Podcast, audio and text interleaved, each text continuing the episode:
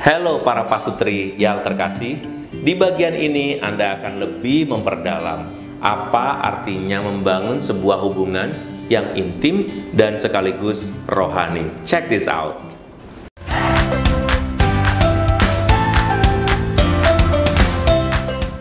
Kalau saya mau baca dari satu uh, perikop perikop ini yaitu kejadian dari sat, kejadian 1 26 sampai 27 dikatakan begini. Baiklah kita menjadikan manusia menurut gambar dan rupa kita supaya mereka berkuasa atas ikan-ikan di laut dan burung-burung di udara dan atas ternak dan atas seluruh bumi dan atas segala binatang merayap dan melayang di bumi, maka Allah menciptakan manusia itu menurut gambarnya, menurut gambar Allah diciptakannya dia, laki-laki dan perempuan diciptakannya mereka. Kalau dilihat dari seperti ini berarti memang Allah memaksudkan menciptakan manusia itu dua jenis supaya mereka menaklukkan bumi. Menaklukkan bumi bukan dalam arti yang negatif, tapi dalam arti positif memelihara. Semakin banyak orang yang diciptakan, berarti semakin bumi terpelihara. Sebagai citra Allah, kita menjadi gambar Allah yang hidup, menjadi mitra yang mencipta dan memelihara kehidupan ini. Laki-laki dan perempuan menjadi gambar Allah yang terpisah, tapi satu tujuan. Jadi kalau kita mau menjadi pria dan wanita, harus bertuhan supaya aman. Karena kalau nggak bertuhan, biasanya laki-laki akan mengembangkan kebutuhannya aja.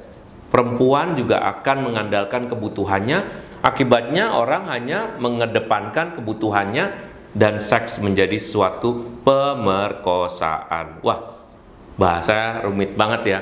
Tetapi betul, seks itu bisa menjadi pemerkosaan antara orang-orang yang menikah. Karena salah satunya merasa dipakai. Salah satunya merasa bahwa dia tidak menginginkan. Salah satunya adalah merasa karena dia sebetulnya bukan uh, perhatian utama. Karena seks hanya terjadi uh, dalam konteks saya ingin melampiaskan ya kebutuhan seksual saya dan itu selesai selesai. Tidak ada cinta, maka seks bukan ada dalam perkawinan. Nah, kalau ini kita lakukan, jadi orang itu kalau kalau melakukan melakukan kebutuhan-kebutuhannya itu hanya sekedar untuk kebutuhan seks aja, maka dia belum menggambarkan karya agung Allah dalam dirinya kalau saya lihat nih banyak nih ya, kalau dari pasutri-pasutri misalnya, akan ada pasutri-pasutri yang mengatakan, aduh Romo, saya tuh udah berkali-kali, ini udah yang keempat Romo, dia punya pasangan Romo cewek Romo, ketahuan udah berapa kali, itu yang bener-bener ketahuan, yang rumor yang dari teman-temannya udah nggak kehitung Romo. Ada memang orang-orang seperti ini yang mengandalkan citra dirinya sebagai penakluk seksual.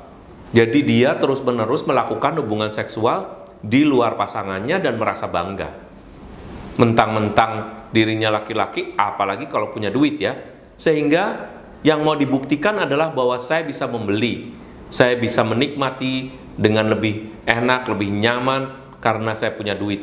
Seks bukan lagi ekspresi untuk menjadi pria uh, ya, dan wanita yang baik, tetapi justru menjadi perusak hubungan rumah tangga.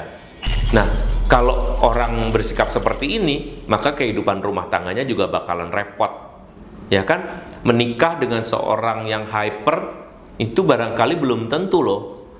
Uh, belum tentu uh, akan menyulitkan kalau kedua-duanya memang punya kebutuhan, ya kan? Yang satu hyper, yang satu lagi juga punya kebutuhan yang tinggi dan membiarkan dirinya karena dia kuat dan dia sayang sama suaminya, sama, sama istrinya, akibatnya mereka ya tetap cocok-cocok aja nggak jadi masalah tapi kalau hypernya di luar lalu kebutuhannya itu dipakai untuk mengeks diekspresikan untuk di luar di luar hubungan suami istri lalu dalam persetubuhan yang tidak wajar ya misalnya dengan seorang uh, pekerja seks komersial maka dia tidak melakukan tugasnya sebagai laki-laki yang menjadi gambar Allah itu wajahnya majah makin buram untuk menggambarkan uh, karya citra agung Allah.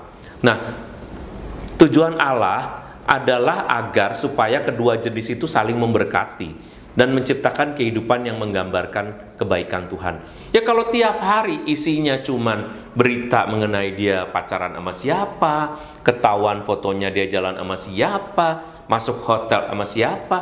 Hidup perkawinan seperti ini akan menjadi sesuatu yang berat. Orang jadi tidak merasa hidupnya diberkati karena punya pasangan yang begitu uh, haus akan seks.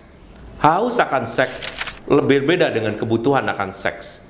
Kebutuhan akan seks itu diciptakan oleh Allah. Tetapi kalau haus akan seks biasanya diciptakan oleh kebiasaan-kebiasaan buruk di usia muda. Misalnya kebanyakan nonton blue film, bokep, ya kan? Konten-konten porno. Itu akan merangsang dan melahirkan satu habit yang baru bagaimana seseorang kebutuhan seksualnya seorang harus setiap hari ada yang sehari bisa 5-6 kali. Saya pernah mempunyai klien 5 sampai 6 kali dan akhirnya maaf dan akhirnya diceraikan. Meskipun mereka tidak bisa bercerai karena alasannya tidak kuat. Secara Katolik tidak mempunyai hal yang e, memberatkan untuk boleh diceraikan atau dibatalkan nikahnya. Tetapi karena dia mempunyai kebiasaan yang sangat tidak masuk akal bagi istrinya, dan akhirnya dia mendapat persetujuan dari romo paroki untuk berpisah ranjang atau berpisah meja makan. Nah, hal yang seperti ini kan sayang sekali ya kan? Karena kita ini sebetulnya sebagai manusia itu harusnya hidup dengan dan untuk orang-orang yang lain. Jadi hidup kita tuh jangan dengan diri kita sendiri gitu. Nah, beberapa pasutri mengalami kesulitan dalam hidup perkawinan karena salah satu pasangan itu benar-benar hidup untuk dirinya sendiri. Istrinya atau suaminya itu dipakai untuk uh, kebutuhan seksual sehingga dia tidak peduli apakah istrinya sedang sakit, apakah istrinya sedang mungkin mengalami hambatan karena sedang menstruasi yang sakit atau pasca melahirkan atau mungkin uh, di usia-usia kandungannya itu tidak terlalu kuat sehingga kalau kalau melakukan hubungan seksual itu menjadi e, berat dan barangkali akan gagal hamil itu tidak pernah diperhatikan.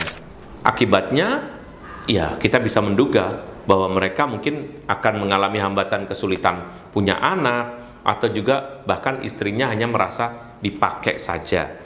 Kita itu harus berguna intinya gitu loh. Jadi jangan sampai karena kebutuhan seksual kita, kita itu jadi nggak berguna Orang-orang yang hasrat seksualnya melulu yang diagung-agungkan, jadi nggak berguna hidupnya. Kenapa? Karena akan menyusahkan orang lain. Isinya cuma selingkuh sana, selingkuh sini, se apa namanya skandal sana, skandal sini. Dia tidak pernah bisa membuktikan bahwa dirinya itu mampu mengontrol dirinya sendiri. Karena kalau ketika dia tidak bisa mengontrol dirinya sendiri, dan yang terjadi adalah dia akan mengorbankan orang lain kita sudah menyelesaikan bagian yang kedua. Tapi tunggu dulu supaya makin mantap kita akan melanjutkan ke bagian yang ketiga. Tunggu